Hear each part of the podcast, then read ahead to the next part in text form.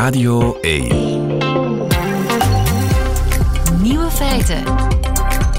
Met Lieven van den Houten. Dag en welkom bij de podcast van Nieuwe Feiten van maandag 12 februari alweer 2024. In het nieuws vandaag dat eh, in een dorp in Frankrijk scrollen op je telefoon verboden wordt. Inderdaad, meer bepaald in Saint-Port, een dorp van 2000 inwoners ten zuiden van Parijs. Daar werd dit weekend een referendum georganiseerd met de vraag of smartphonegebruik in de publieke ruimte aangepakt moest worden. En 54% van de stemmers vond van wel. Dat betekent dat voortaan het volgende niet meer mag in het dorp. Een selfie nemen op een bankje in een park. Als je aan de schoolpoort staat te wachten op je kinderen, scrollen op je telefoon. Op restaurant foto's nemen van je bord.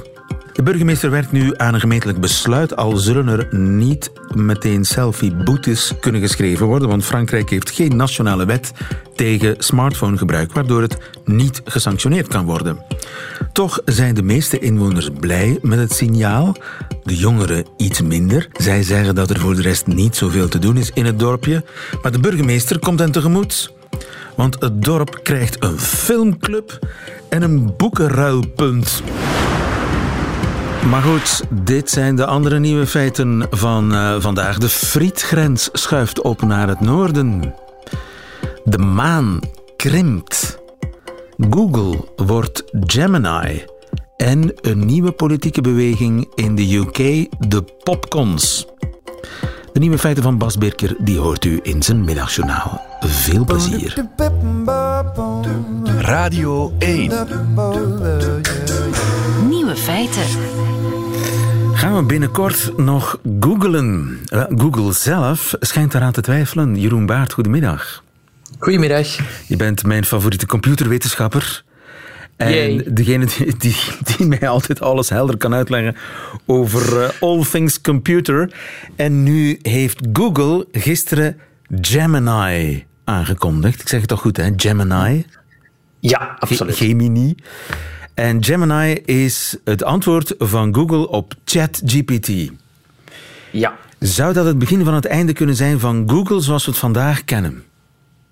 Het was al langer aangekondigd, Gemini, maar eerst hadden ze, in de markt, hadden ze het in de markt gezet als wij hebben ook een AI-model en het heet Gemini en we gaan het langzaam maar zeker in al onze producten inwerken. Maar sinds gisteren hebben ze eigenlijk al hun bestaande AI-producten de naam Gemini gegeven, omdat ze denk ik een antwoord wilden op OpenAI heeft ChatGPT, dat kent iedereen. Microsoft heeft Bing en Copilot, dat zijn ook merken dat iedereen begint te kennen. En Google had nog niet zoiets. Google heeft een geschiedenis van producten, heel veel namen te geven en mensen te verwarren. En je had Bard en je had Google Assistant. En nu willen ze dat allemaal onder die paraplu van Gemini brengen. Zodat Gemini je assistent wordt bij alle dingen die je doet met Google. Gemini zou ook, en dat is, dat is wel heel opmerkelijk, uh, naast Google Search staan. Dus je kan Google zoeken en je kan het vragen aan Gemini. En dat is eigenlijk de eerste keer dat Google zijn core product, hè, het, het zoekmachine waarmee het groot geworden is, naast iets anders zet. Zo prominent. Ja. Uh, alleen zijn ze, zijn ze nog niet af van de verwarrende naamgeving, want uh, de standaardversie van Gemini is Gemini Pro. En als je Gemini Ultra wilt gebruiken, dan heb je een abonnement nodig op Gemini Advanced. Dus daar loopt toch nog altijd iemand rond die dat... Uh, marketing is niet hun dat, sterkste kant. Marketing, het is, het is nog altijd een beetje de, de bomen en het AI-bos, zou ik zo denken. Maar ja, ja dat is wat ze gedaan hebben. Sinds maar goed, nu, nu is Google voor mij een zoekmachine. Hè. Ik tik in Jeroen Baart en ik krijg allerlei heel gênante artikels over Jeroen Baart. Ja, over de burgemeester van Boom. Ah, ja, ja, ja, ja, ja, ja, dat is ook waar. Dat is een naamgenoot. Absoluut, ja. Oké. Okay. Nu, um, als ik dat dan niet doe, als ik Gemini gebruik, wat er dus, dus naast zal staan en misschien binnenkort of ooit wel ja, in de plaats van die zoekmachine zal komen, dan uh, tik ik ook in Jeroen Baart, of dan moet ik intikken, intikken wie is Jeroen Baart? Ja. En dan zal Gemini een soort van samenraapsel geven tussen een AI-gegenereerde tekst en misschien dingen die het in zoekresultaten heeft opgezocht en gebruikt heeft. Voor Google is het eigenlijk een beetje een realisatie geworden dat hun standaard model van geld verdienen, namelijk mensen zoeken op iets, stel je zoekt op een nieuwe koelkast, de eerste drie resultaten in je Google zoekresultaten zijn gesponsord. Dat zijn bedrijven die betaald hebben. Als er mensen koelkasten willen, dan komen ze die halen bij, weet ik veel, mijnkoelkastshop.be of uh, weet ik veel.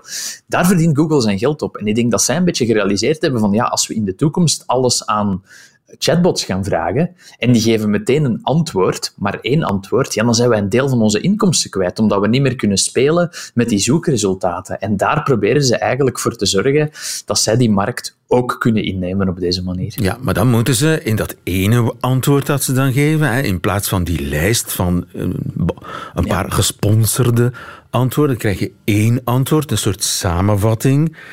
Uh, ja, hoe, hoe kan je daar een sponsor op plakken? Dat lijkt me niet zo dat simpel. Is, dat, dat is nog maar de vraag waarmee ze gaan experimenteren. Ik denk dat een deel van het antwoord van Google ook is: OpenAI heeft eigenlijk nog niet zo heel veel data van ons. Uh, terwijl veel mensen gebruiken Google voor hun e-mail, voor hun kalender.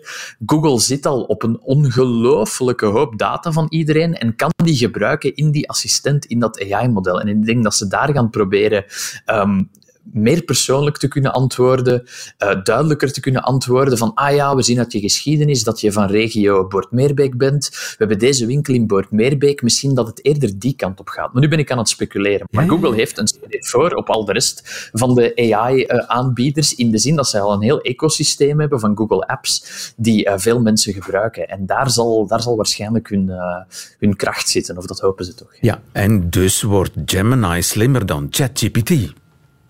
Wel, slimmer is natuurlijk een woord dat ik niet graag gebruik in de context van AI. Um, ik denk dat Gemini meer kansen zal hebben om persoonlijker te worden, omdat OpenAI, ja, die hebben geen toegang tot al je e-mails en al je kalender en al je documenten. En dat heeft Google wel, dus die zal persoonlijker kunnen reageren en persoonlijker kunnen um, ja, antwoorden fine-tunen voor jou. Ja, en dat, dat kan wel eens een doorslag geven. Ja. Slimmer is niet meteen het woord, maar ze weten meer. Nee. Klopt, ja, ze hebben meer informatie om uit te putten. En bij alle AI-modellen, hoe meer data erin gaat, hoe meer specifiek het antwoord kan zijn. Een model is maar zo goed als de kwaliteit van de data. En Google heeft heel veel kwaliteitsdata van veel mensen. Moet ik daar nu blij mee zijn? Uh, moet je daar nu blij mee zijn met deze naamsverandering van Google? Uh, ik, ik ja, naams, naamsverandering en ook ja, wellicht ook uh, de, de omvorming van Google tot een soort, ja, ook een soort artificial intelligence.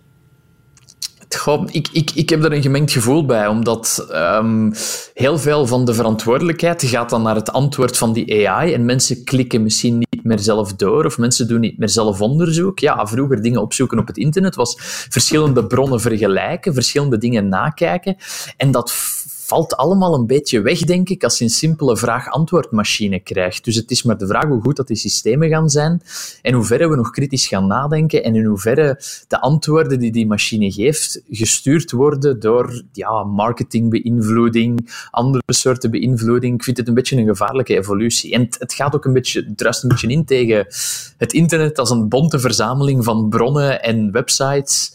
Uh, als we dat allemaal achter een, uh, een chatbot gaan verbergen, dan ja, ik vind dat niet zo'n positieve evolutie. Angstaanjagend. Ik vind echt angstaanjagend. Ja, kijk, laat ons, laat ons hopen dat het zover niet komt en dat de waarde van, van, van websites en de waarde van de manier waarop dat we technologie gebruiken nog altijd gaat doorschijnen.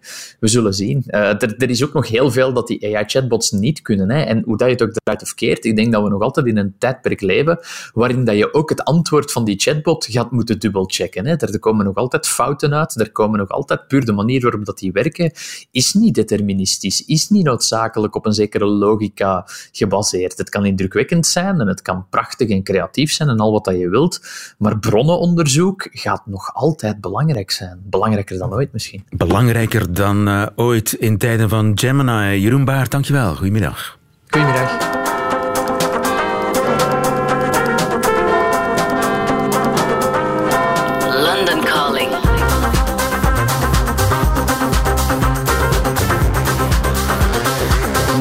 Lia van Beckhoven. Lia van Beckhoven aan de lijn over de toestand in Londen. Goedemiddag, Lia. Goedemiddag, lieve. Wat heeft de Britten de voorbije dagen bezig gehouden? We gaan het hebben over een nieuwe groep. Daar hebben ze zich mee bezig gehouden, lieve. Die groep heet Popcon. Popcorn, je bedoelt natuurlijk popcorn. Nee, nee, nee. Het is echt uh, Popcon. En het is geen Ierse jongensband met uh, muziek uit de jaren tachtig, maar het is een nieuwe conservatieve factie in de conservatieve partij. Luister naar één politiek commentator. I can bring you some really good news. There has been the launch today of another right wing conservative group. This is definitely what the government needs and what the country needs.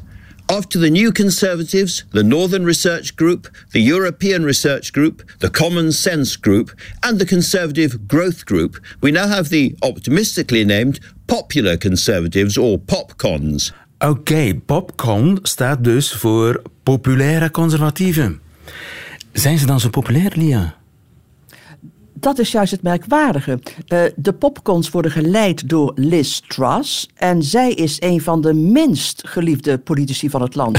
De laatste keer dat ik keek stond haar teller in de populariteitsliga op minus 54. Maar wacht eens even, dat is toch niet dezelfde Liz Truss die de kortstdienende premier was uit de Britse geschiedenis, die de economie de afgrond in wilde storten totdat de Engelse bank uh, ingreep die vanwege haar verregaande onbekwaamheid door haar eigen partij Downing Street werd uitgejaagd en die de Britten opzadelde met een schuld van tientallen miljarden. Die Liz Truss. Diezelfde. Hoewel Liz Truss volgens één stand-up comedian niet meer dan eigenlijk een stagiaire was hè, toen ze premier was. Want ze, gewoon, want ze, ja, ze bestuurde het land omdat dit zo goed zou staan op haar curriculum vitae. Ze kon namelijk daarna succesvol solliciteren op een baan voor assistent-manager op een sportschool in Nottingham.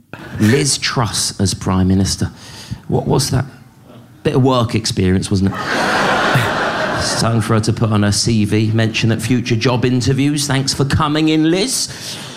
Is you a Prime Minister of Great Britain? October to October. Then you went on to become assistant manager at Nottingham Pure Gym. Oké. Okay. en dan werd je assistent manager at Nottingham uh, Pure Gym. Dus ja, waarom zou iemand die Liz Truss nog geloven? Nou, dat vroeg niet alleen de BBC, maar bijna het hele land zich vorige week af. Why should any voter listen to Liz Truss when she frightened the markets to such an extent that the pound fell against the dollar sent mortgage rates soaring and forced the Bank of England to intervene to save our pensions? Ja, goede vragen allemaal. En het antwoord? Het antwoord is dat er in het hele land geheime conservatieven zijn. Mensen die nog steeds in Liz Truss geloven. Zegt wie? Zegt Liz Truss. Now Britain is full of secret conservatives. People who agree with us but don't want to admit it because they think it's not acceptable in their place of work, it's not acceptable their school. Wauw! Dus er zouden geheime conservatieven zijn die voor hun bewondering een soort kasttrussen, uh, voor hun bewondering voor trust niet uit durven te komen die in de kast zitten voor Truss. Ja. Nou, ik vond op sociale media vond ik ene Paul, een parttime komiek, uh, die zijn achternaam voor zich wilde houden en zijn gezicht trouwens ook, want hij had een masker op. Hij had zijn stem verdraaid en hij zei dat hij acht jaar lang een leugen geleefd had tegenover zijn gezin, zijn familie, zijn vrienden, zijn collega's. Hij had namelijk al die tijd net gedaan alsof hij een linksliberaal was, terwijl hij eigenlijk een conservatief was met diepe overtuigingen en daar had hij het echt heel moeilijk mee gehad. My name's Paul, and uh, I'm a secret conservative. Been living a life for the last eight years, um, in front of my wife, friends, family, work colleagues, and uh, it's challenging. It's challenging. Het is heel moeilijk, maar waar had die Paul het dan vooral moeilijk mee? Nou, lieve, kijk, als hij van vrienden hoorde dat vanwege de vervuiling aan de Britse stranden, waar de regering helemaal niks aan doet, als die vrienden dan zeiden dat ze darmziektes hadden op, opgelopen, uh, dat hun kinderen menselijke uitwerpselen op hun bodyboard hadden gevonden. Kijk, dan werd van hem verwacht dat hij zou zeggen: Och, vreselijk, hoe kan dat? Terwijl hij eigenlijk het tegenargument wilde gebruiken in die gesprekken en dan gewoon wilde zeggen: Is dat nou echt zo erg? Misschien hebben we juist meer drollen in zee nodig. You know, I have to stand there listening to friends and family say, oh, we went on a holiday to Cornwall and the kids had gastroenteritis because there was raw sewage in the sea. Or, you know, Timmy had a human turd on his bodyboard. And I'm like, oh, that's horrible. Yeah, it's terrible. Bloody Tories. But really, I'm thinking, guys, have you thought the alternative argument?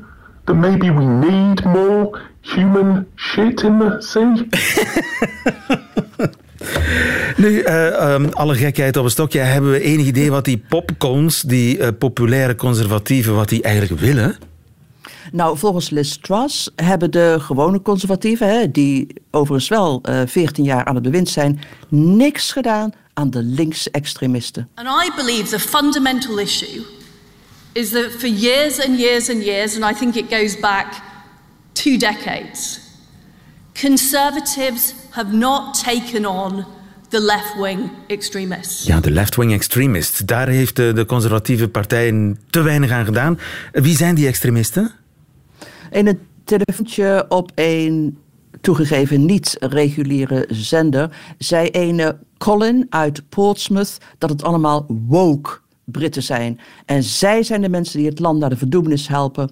En voor het gemak had Colin een lijst aangelegd van alles wat niet deugt in het Verenigd Koninkrijk. Colin from Portsmouth is on the line. Hello. I'm sick of all these woke people ruining this country. Who are the woke people, Colin? Who are they? Who are the woke people? Yeah. You know full well who the woke people are. I've got the list right here. You've got a list, Yeah. The Guardian. right? Pronouns. The lawyers. mm-hmm. Teachers. Doctors. Nurses. The EU. The NHS. The church. The British Army nowadays. The Oh. BBC. Match of the Day. Yeah. Gary Bloody Lineker. James O'Bleeding Bryant. Disney. Pride. Police cars with inclusive signage. Hollywood. The City of Liverpool. The City of- North London townhouses. Jordan Henderson. Pre 2023. Yeah. The National Trust. Almond milk. Modern historians. Remote working. Places where people feel safe. The weather. Children's books. The England cricket team. The menopause. Banksy. Coots Bank. Breastfeeding. Butterflies. People who want to be paid a living wage. Right. People who think their children should eat. Yeah. Universities, mm. secondary schools, nursery schools, being able to swim in UK waters. Yeah. Kettle chips. Valentine's Day, King Prince Charles, David Attenborough, Professor Brian Cox and the laws of physics, guide dogs, theatre with a live sign language person at the side of the stage. Oh yeah, agreed. Immigration centres that put pictures on their walls. Sadiq Khan, International Women's Day, the RNLI, croissants. Dus ehm, ik probeer het even te vertalen. Maar ik heb, niet zo, ik heb niet alles onthouden. Maar ver- verpleegkundigen, artsen. Allemaal zaken die de, de UK bedreigen. Dus die linkse extremisten. Docenten.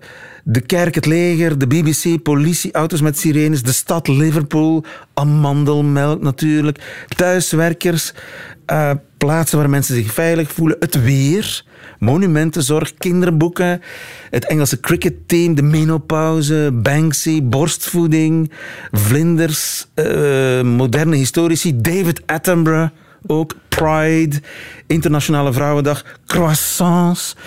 Ben ik nog iets vergeten, Lia? Vast. Every one of those is a threat to Western civilization. Anyway, mate, thanks for having me on. Love to the family. Love to the family, Colin. Love to the family. Avocados!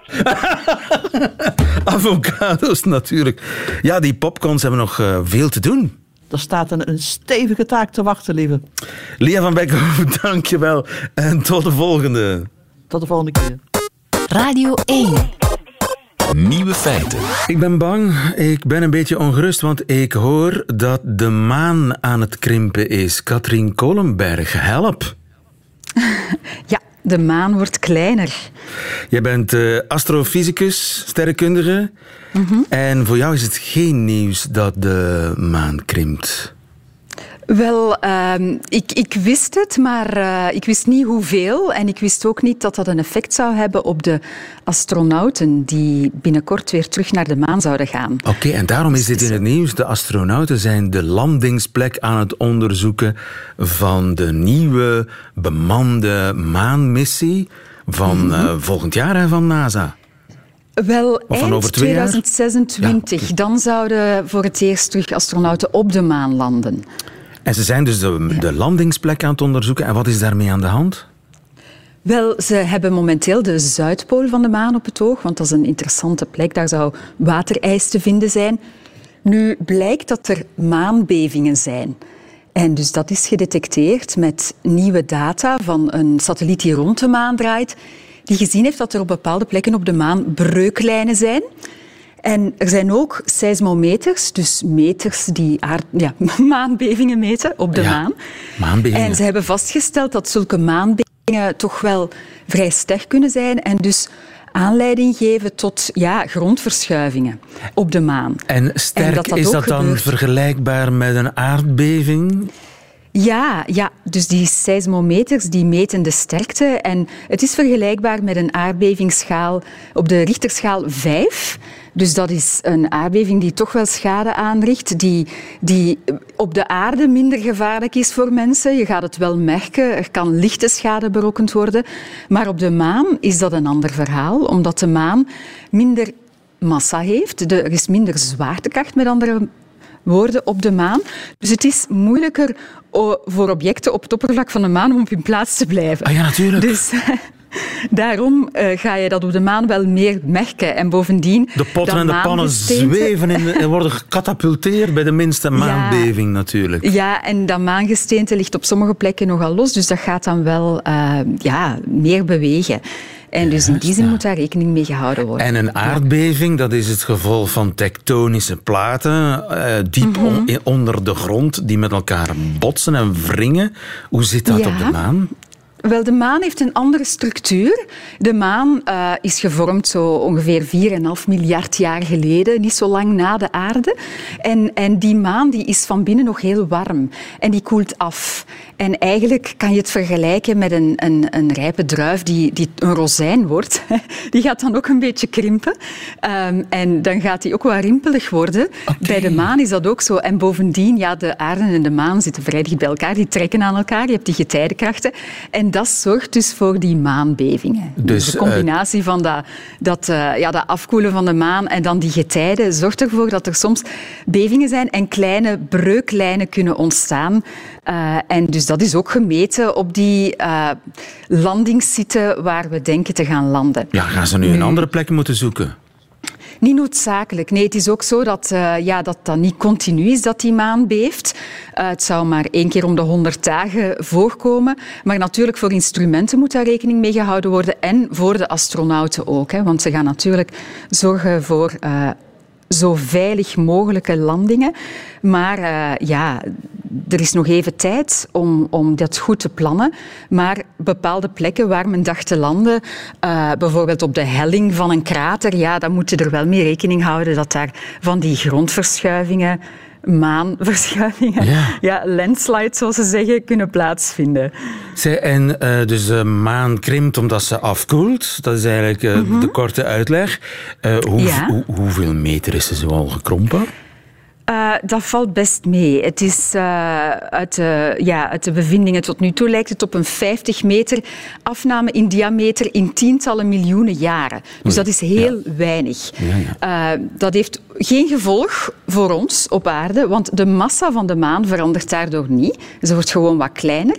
Maar dus wat betreft die getijdenkrachten heeft dat geen gevolg. Ook wat betreft het waarnemen van zonsverduisteringen is dat heel weinig. Hè. Dus wij zien zonsverduisteringen omdat de maan aan de hemel ongeveer even groot lijkt. Ja, even groot is als de, de zon, als we ze zien. Eh, en daardoor zien wij die maan soms, die zon, mooi helemaal bedekken.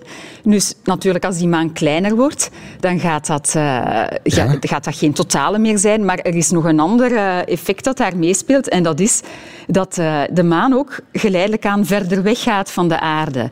En dus dat is een effect dat ook ertoe zal bijdragen dat we over afzienbare tijd, maar dat is pas over 650 miljoen jaar, Ja. zullen wij geen totale zonsverduisteringen meer zien. Maar dus, Omdat de maan te ver is. omdat de maan dan te ver is, ja. En, ze- ze- en daardoor krimpt ze natuurlijk ook. ook voor een het, beetje. voor ja, het oog krimpt ze krimpt ze optisch. dan. Ja. Ja. Oh, wauw. We gaan het allemaal niet meer meemaken, Katrien Kolenberg. Gelukkig. Dankjewel voor deze uitleg. Goedemiddag. Graag gedaan. Dag. Radio 1. Nieuwe feiten. Waar ligt de frietgrens? Niet waar we altijd gedacht hebben, blijkt uit onderzoek van Rens. Goedemiddag, Rens. Goedemiddag. Rens van de Plas, freelance journalist uit Tilburg. En eh frietzegger, neem ik ja, aan. Nee, zeker. Ja, absoluut. Als Brabander, frietzegger. Ja. Want het is een van de felst bevochten grenzen in Nederland. De grens tussen, ja, wat we zullen noemen, Frietland en Patatland. Ja, ja, precies. Dat is een, een culturele discussie die, in, die Nederland eh, ontzettend bezighoudt. Iedereen eh, zit wel of in het patatkamp of in het frietkamp. Ehm, en eh, nou, dat, dat verdeelt ons land tot op het bot. Ja, en is die grens niet eens ooit vastgelegd, min of meer definitief? Ehm, ja, dat, ik, ik geloof dat er meerdere mensen het wel hebben geprobeerd. En dat, dat altijd wel de, de, de ehm, conclusie was dat die grens ongeveer rond de, de zuidelijke provincies moest liggen. Ehm, maar ik heb hem de afgelopen week eigenlijk opnieuw eh, vastgesteld. En eh, ben wel tot de conclusie gekomen dat die eh, wat hoger ligt dan dat in elk geval. Dat is een schok, hè? Ja, dat, is wel even, dat is wel even een, iets, iets om over, over na te denken. Ja, dus decennia lang werd aangenomen dat de, de friet-patatgrens dat die ergens min of meer ter hoogte van de grote rivieren, de Maas en de Waal, eh, liep, of de Rijn. De, de, dat ten Ja. zuiden daarvan eh, woonden de frietzeggers, ten noorden Ja. daarvan woonden de patatzeggers. En, maar, maar, maar jij hebt onderzoek, hoe, hoe heb jij onderzoek gedaan? Ik heb bij meer dan 153 eh, eh, frietzaken en snackbars eh, online op de menukaart gekeken. Van, van wat staat er nou precies op, op, op de kaart? Wat serveren zij aan hun, aan hun klanten? En dat heb ik op een kaart gezet. En dan kun je dus een, een, een lijn trekken door, door Nederland die, die die twee gebieden verdeelt. En waar ligt die lijn dan? Nou, die lijn die gaat eigenlijk, eh, eh, waar, ik, waar ik en veel anderen dus eigenlijk aanvankelijk dachten dat die vooral de, de grens van Noord-Brabant eh, volgde, loopt die eigenlijk door Zuid-Holland en Gelderland en neemt hij ook nog hele stukken van, van, van die provincies mee. Steden als bijvoorbeeld Nijmegen en Arnhem, die, die gewoon heel diep in, in Gelderland liggen, die vallen eigenlijk ook nog onder frietgebied. Dus dat is toch wel een aan, nou, ja, aanzienlijk groter gebied dan we aanvankelijk eh, eh, dachten in Nederland. Wauw. En zou je kunnen zeggen dat de friet aan een opmars bezig is? Ja, nee, absoluut, absoluut. Je ziet ook dat, eh, dat die, die grens, daar, daar zegt iedereen beneden die grens zegt sowieso friet. Maar er zijn ook plekken boven die grens waar snackbars ook nog wel eens friet willen gebruiken. En er zijn dus eigenlijk een aantal snackbars in. Precies, ja, dat zijn een soort eh exclaves van, van frietgebied in patatgebied eh, eh, zijn dat. Dus het is, eh, friet is echt wel aan een, aan een flinke opmars bezig. Dus de patatzeggers hebben nog wat werk te doen. eh. En, en, en die enclaves die bevinden zich tot in Groningen toe, tot in Friesland? Ja, nee, zeker, zeker. Ik heb zelfs een, een mail gehad van iemand van een eh Waddeneiland, helemaal boven in het land, eh, waar ook een, een, een snackbar is waar ze eh, friet zeggen.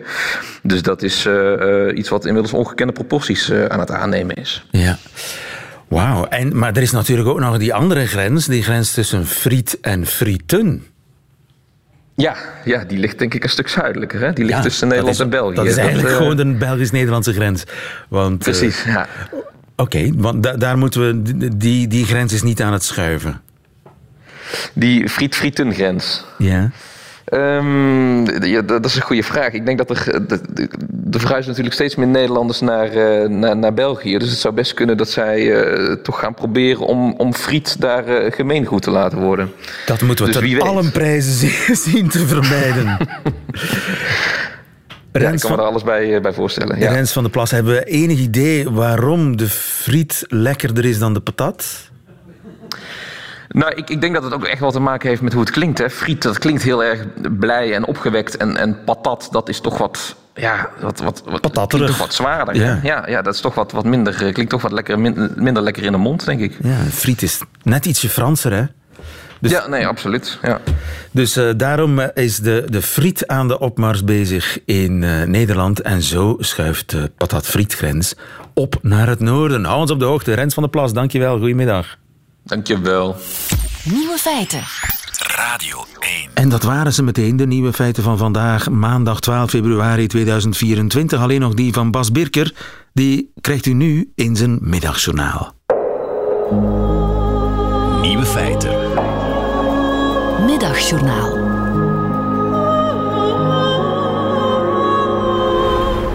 Liefste landgenoten. Ik pakte mijn Aalst Carnaval bingo kaart ter hand en zette het journaal op.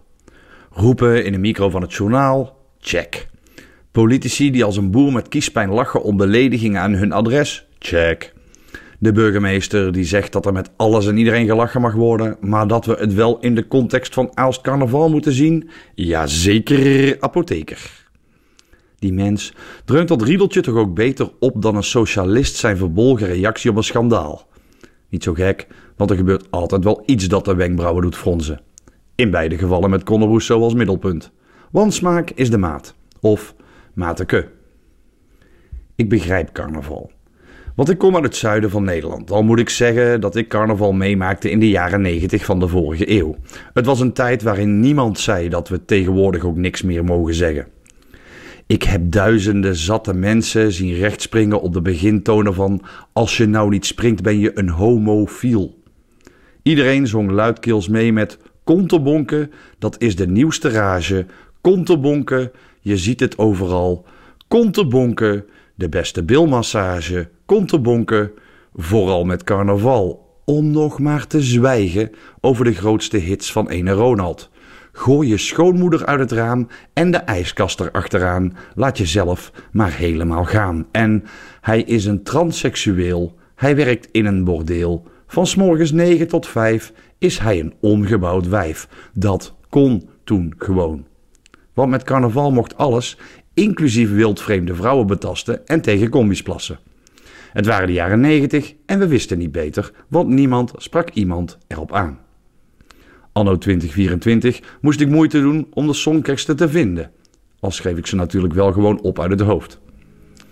Je mag tegenwoordig ook niks meer zeggen, hoor je mensen klagen, die graag dingen zeggen die anderen kwetsen. Het tegendeel is waar. Je mag alles zeggen. Alleen moet je rekening houden met wat meer tegenspraak dan vroeger. Want de tijden zijn veranderd, ook met carnaval. En dat is maar goed ook. Je moet met alles kunnen lachen. Zo is het altijd geweest en zo zal het altijd zijn. Ik pakte mijn Aalst Carnaval bingo kaart weer vast. Opmerking over het gewicht van de burgemeester? Check. Lachen met de joden? Ah, wacht. Geen jood in het nieuws geweest het afgelopen jaar natuurlijk.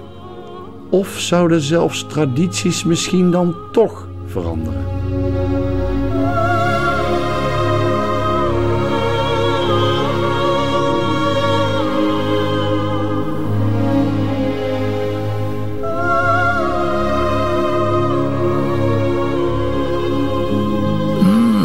Scherpzinnig. Bas Birker in het middagjournaal. Einde van deze podcast.